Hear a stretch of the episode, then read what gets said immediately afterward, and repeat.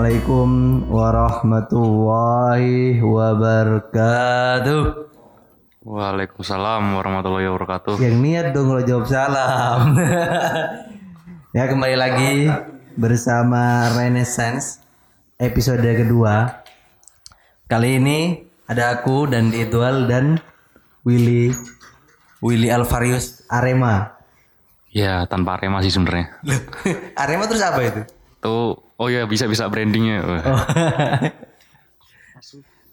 Oke, kali ini kita bakal ngomongin tentang pemindahan ibu kota yang lagi rame ya diomongin gara-gara presiden kita Joko Widodo tiba-tiba di bukan tiba-tiba ya dia di medsosnya nanyain di IG sama Twitter eh, kira-kira kalau mau dipindahin enaknya ke mana ya gitu karena memang ini sih di Jakarta itu eh, salah satunya udah sangat padat penduduknya. 30 juta kayaknya terakhir aku lihat. Itu sangat padat karena memang gabung antara kota sebagai pusat pemerintahan dan pusat bisnis. Tapi kita nggak bakal 10 juta po ya udah. 10 juta berarti berarti 30 juta itu aku lihatnya di mana hoax berarti ya Oke, tapi kita nggak bakal ngomongin tentang di mana sebaiknya ibu kota ini dipindahkan, ya kan? Tapi kita bakal lebih ngomongin ke belakang. Kenapa sih eh, bisa Jakarta gitu sebagai ibu kota Indonesia gitu? Ini sudah bersama Willy Alvarius yang setidaknya lebih ngerti soal itu. Oke, Will. Pertanyaan pertama nih. Ya, Kenapa sih eh, men- akhirnya tuh Jakarta yang menjadi ibu kota Indonesia gitu? Itu kan berarti kan dulu tuh kayaknya karena ada Batavia nggak sih di situ nah. Bisa dijelasin juga kenapa di situ muncul Batavia gitu.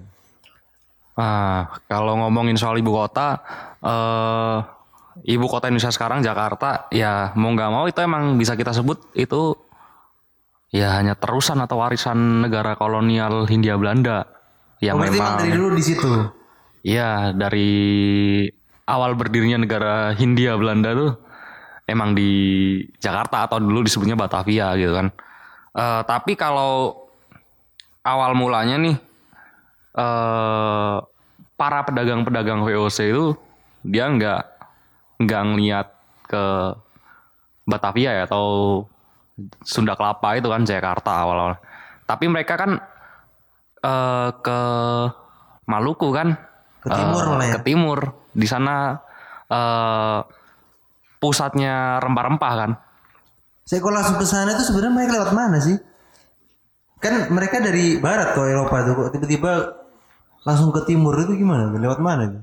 Iya lewat perairan lah nggak nyambung ya ya tapi kok nggak nggak menemukan Batavia duluan tuh kenapa nggak lang- kenapa langsung ke timur gitu ke rempah-rempah yang di Maluku? karena memang dari awal kan eh, salah satu tujuan ya seperti kita tahu lah ya tujuan utama mereka memang mencari yang dibilang itu kan eh Rempah-rempah. eh, eh, satu yang itu rempah-rempah satu yang sangat berharga kan sangat mahal karena itu di Eropa nggak ada dan menjadi komoditas yang mahal di sana gitu kan makanya mereka mencari pulau di Sumbernya gitu iya di sumbernya langsung di Maluku sana di Banda dan sekitarnya Eh, tapi kemudian ketika VOC eh VOC VOC sudah semakin mapan eh kemudian muncul ide eh pusat bisnis mereka dipindahkan ke yang kemudian menjadi Batavia. Kenapa? Pusat bisnisnya. Iya, pusat bisnisnya. Karena waktu itu belum belum ada ya, belum ada negara kolonial, belum belum lahir. Masih ya, hanya sebatas VOC dengan yang ada kan kerajaan-kerajaan lokal tuh. Oh ya. Nah, eh, ada juga indikasi kenapa mereka kemudian memindahkan ke Batavia atau ke Jayakarta itu karena di sana dekat dengan Banten.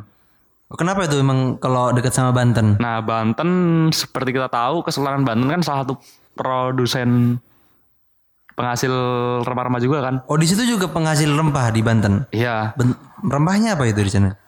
Eh, terutama yang saya tahu nih mereka lada karena kan Kesultanan Banten tuh kekuasaannya sampai ke Lampung.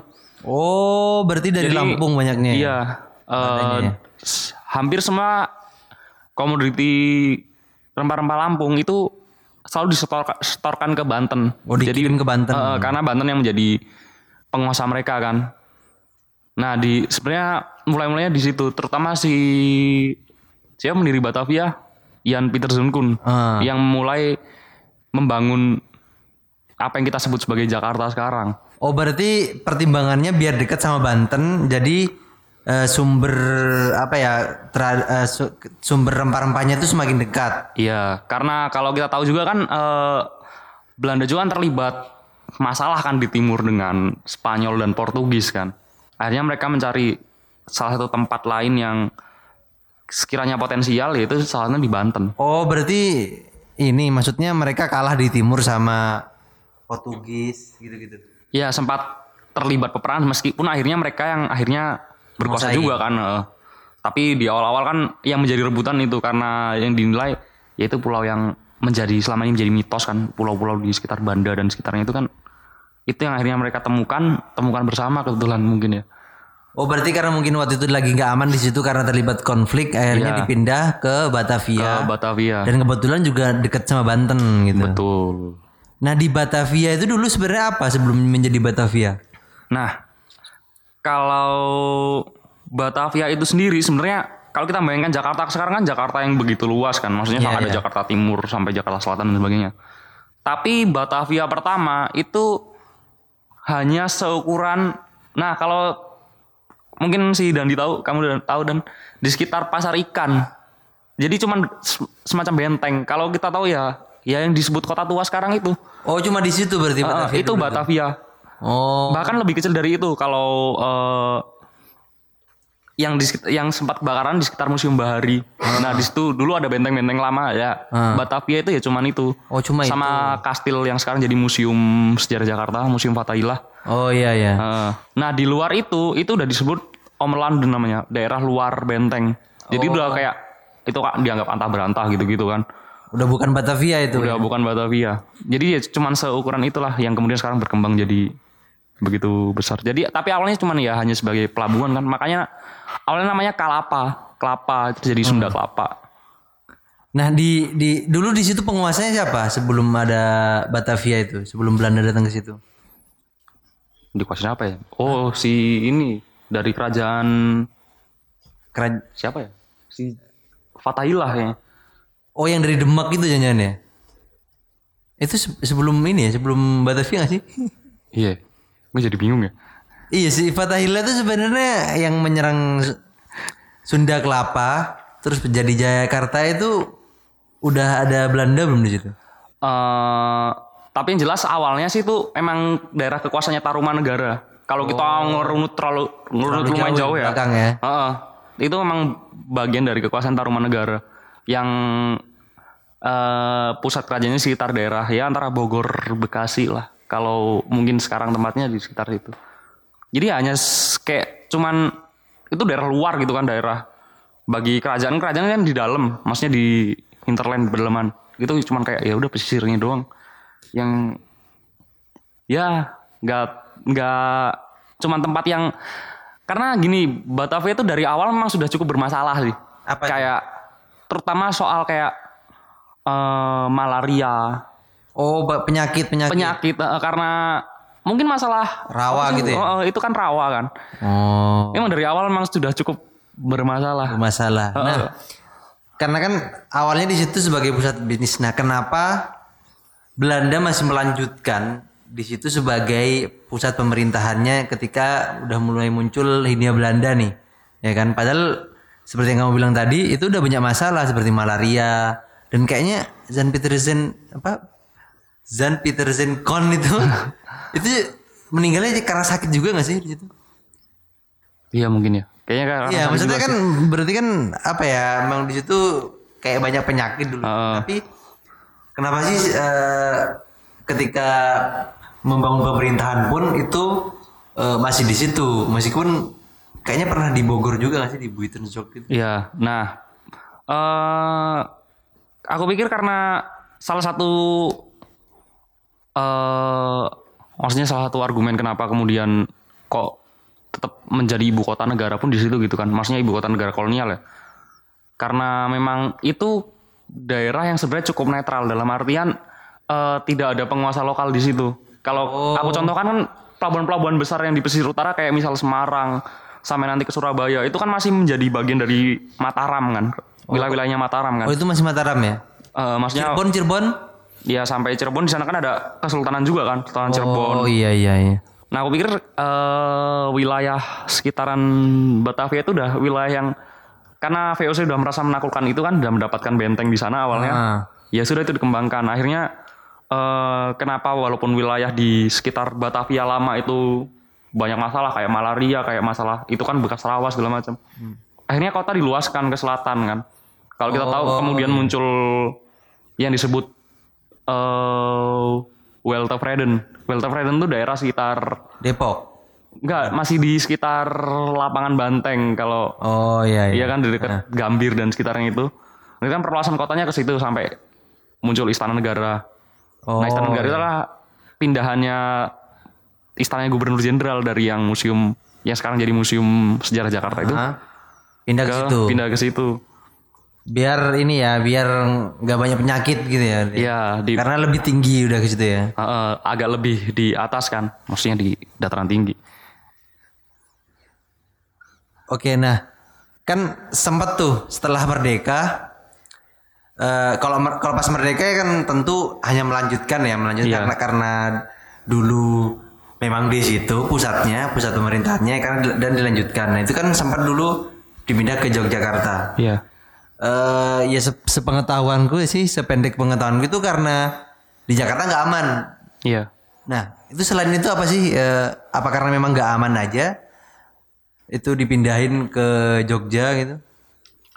Eh, kenapa kemudian dipindah ke Jogja?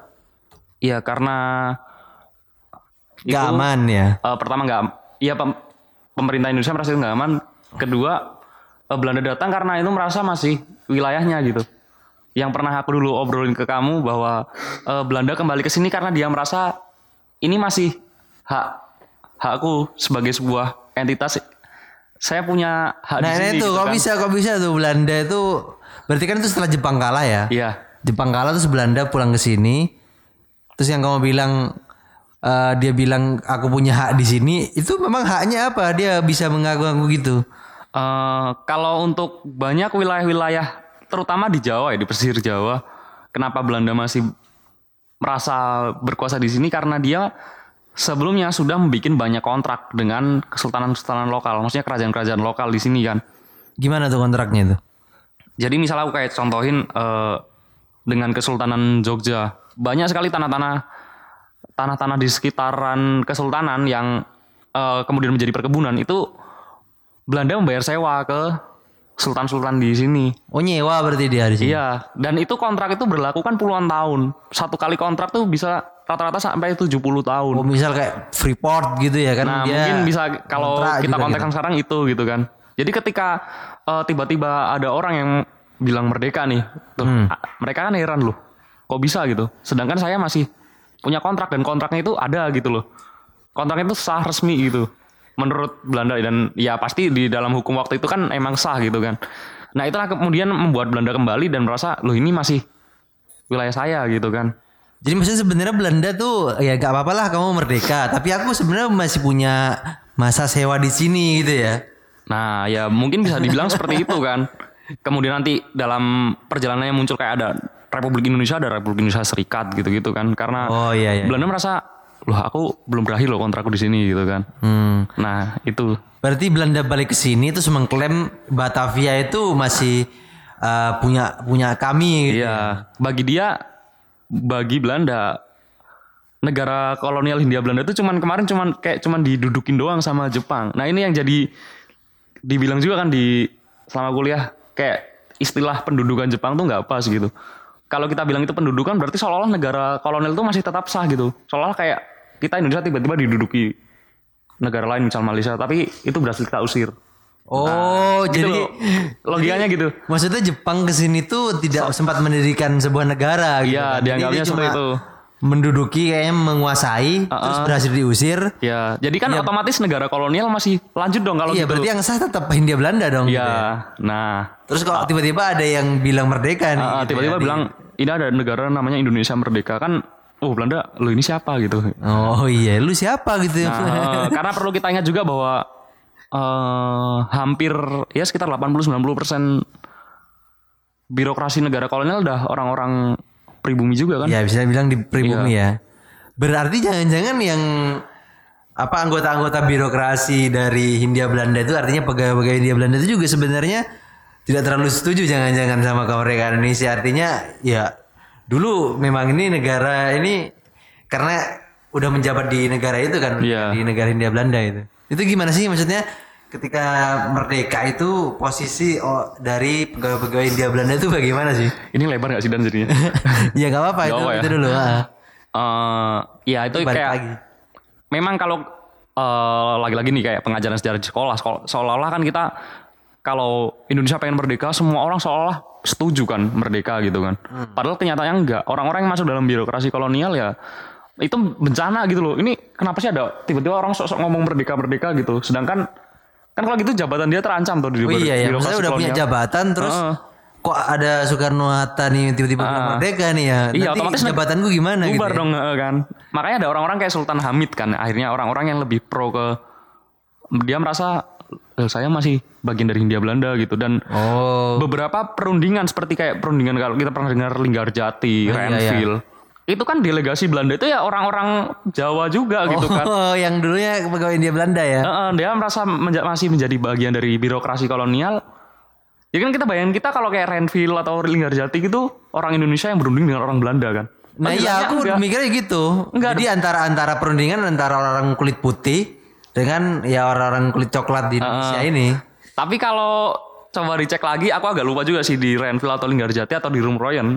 Itu delegasi Belanda itu ya orang-orang isinya orang-orang. Berarti debatnya sama-sama orang-orang Iya. misalnya orang-orang Jawa juga gitu. Nah, makanya jadi kayak ya bing- kita kalau menyampaikan ini dalam narasi di sekolah kan agak bingung juga kan. Iya, iya, Pasti iya. murid-murid juga kan bertanya. Tapi ya Nah, mungkin ya gitu. kalau kalau aku dengar cerita yang kayak gitu, mungkin waktu itu Soekarno Hatta berpikirnya di Jakarta ini kan Belanda balik, Iya. Belanda balik, terus dan banyak di situ pegawai-pegawai Hindia Belanda juga, jadi udah dapat ancaman, terus juga nggak mendapat dukungan dari banyak pegawai-pegawai Hindia Belanda yang dulu, yang orang-orang Indonesia itu juga gitu. Jangan-jangan kayak gitu terus pindah ke Jogja kan? Nah, Berarti pertanyaanku sekarang kenapa Jogja yang dipilih? Apakah waktu itu dukungan dari Jogja sangat kuat akhirnya wilayah ini cukup aman gitu loh dari gangguan Belanda gitu.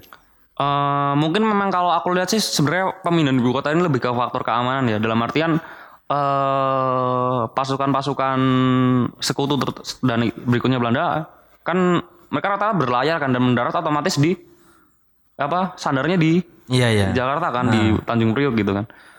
Dan ya yang pertama diduduki jelas lah pusat pemerintahan kan otomatis gitu. dan kenapa akhirnya ke Jogja? Karena Jogja di katakanlah di pedalaman gitu kan Di Jogja di pedalaman nih.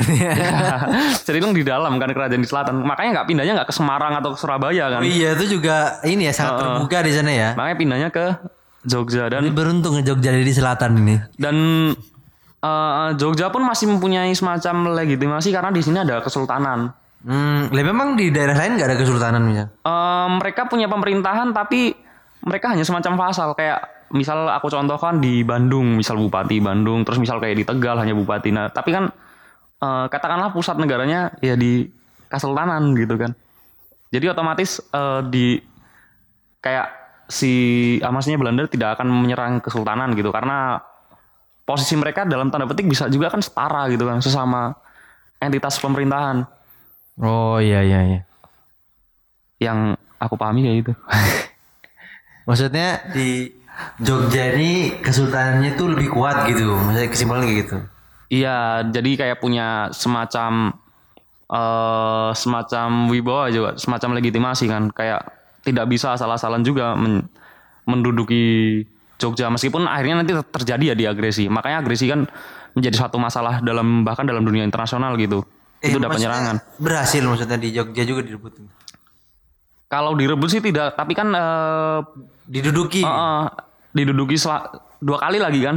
Yang akhirnya ada serangan umum Ada agresi ya. Oh. Nah, terus ini nih pertanyaan selanjutnya nih. Kan Jokowi juga bilang nih dan sebenarnya udah banyak yang ngomongin gitu loh. Sebenarnya ini rencana pemindahan ibu kota itu sejak zamannya Soekarno gitu. Iya. Jadi di zaman Soekarno udah ada rencana pindah memindahkan ibu kota ke waktu itu sih katanya di Kalimantan Palangkaraya apa ya? Yang artinya di dibangun kota di situ. Sebenarnya waktu itu pertimbangannya apa sih? Apakah sama dengan yang diobrolin sekarang? Misalnya pertimbangan yaitu antara eh, pusat pemerintahan dan pusat bisnis sebaiknya dipisah, terus bencana, terus pemerataan. Apakah dulu itu pas zaman Soekarno itu pertimbangannya juga sama? Nah, ini kebetulan nih, aku kan kemarin waktu di Semarang, aku kan membaca koran-koran tahun 50-an kan.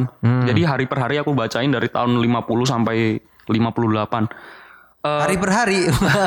ya karena mau nggak mau dicek satu-satu kan. Eh, jadi otomatis aku kebetulan nemuin berita ini juga eh, tentang Soekarno yang berniat memindahkan ibu kota. Jadi wacana pemindahan ibu kota emang benar dari zaman Soekarno dan apa yang disampaikan Soekarno aku pikir persis apa yang disampaikan sekarang juga. Oh, persis sama berarti. Eh, ter- dalam artian gini, eh, Soekarno bilang bahwa dia bilang bahwa Jakarta ini udah terlalu padat. Waktu itu dia, maksudnya di berita dikatakan penduduk Jakarta itu udah sekitar 3 juta katanya. Kalau sekarang kan udah 10 juta tuh. Iya. Itu di tahun 50-an dibilang ini udah terlalu padat Jakarta 3 juta. Dan selain memang jadi masalah aku lihat sih di tekanan masalah demografi, maksudnya kepadatan penduduk di sana udah tinggi dibilangnya 3 juta itu gitu. Ditambah eh, terus bilangnya bahwa Kalimantan ini akan lebih aman dari bencana. Jadi aku pikir apa yang disampaikan Jokowi sekarang ya hanya kayak pengulangan dari tahun 50-an itu. Narasi yang disampaikan ya nggak beda jauh lah. Ya berarti mirip sama lah ya maksudnya wacananya masih sama ya. iya, kayak ngomongin masalah Semoga cepat direalisasikan. Berarti kan udah ber- berpuluh-puluh tahun itu berapa tahun itu? Iya, itu Indonesia merdeka belum ada 10 tahun deh. Wacana itu udah muncul. Di sekitar tahun 50 ya 54-an lah mungkin. Ya, begitulah ya. Itu mungkin itu aja ya. eh, edisi kedua dari Renaissance kali ini. Semoga menambah referensi tentang rencana ibu kota karena memang memindah ibu kota itu banyak faktor yang perlu dipertimbangkan selain infrastruktur, terus eh, kayak air minum, terus tentang bencana, tapi kan juga perlu tentang perencanaan perencanaan apa ya yang berhubungan dengan sosialnya dengan eh, geografis dan lain-lain. Makanya apa ya perspektif sejarah kan juga perlu eh, sebagai salah satu sumbangan. Oke itu aja dulu sampai jumpa di edisi selanjutnya. Assalamualaikum warahmatullahi wabarakatuh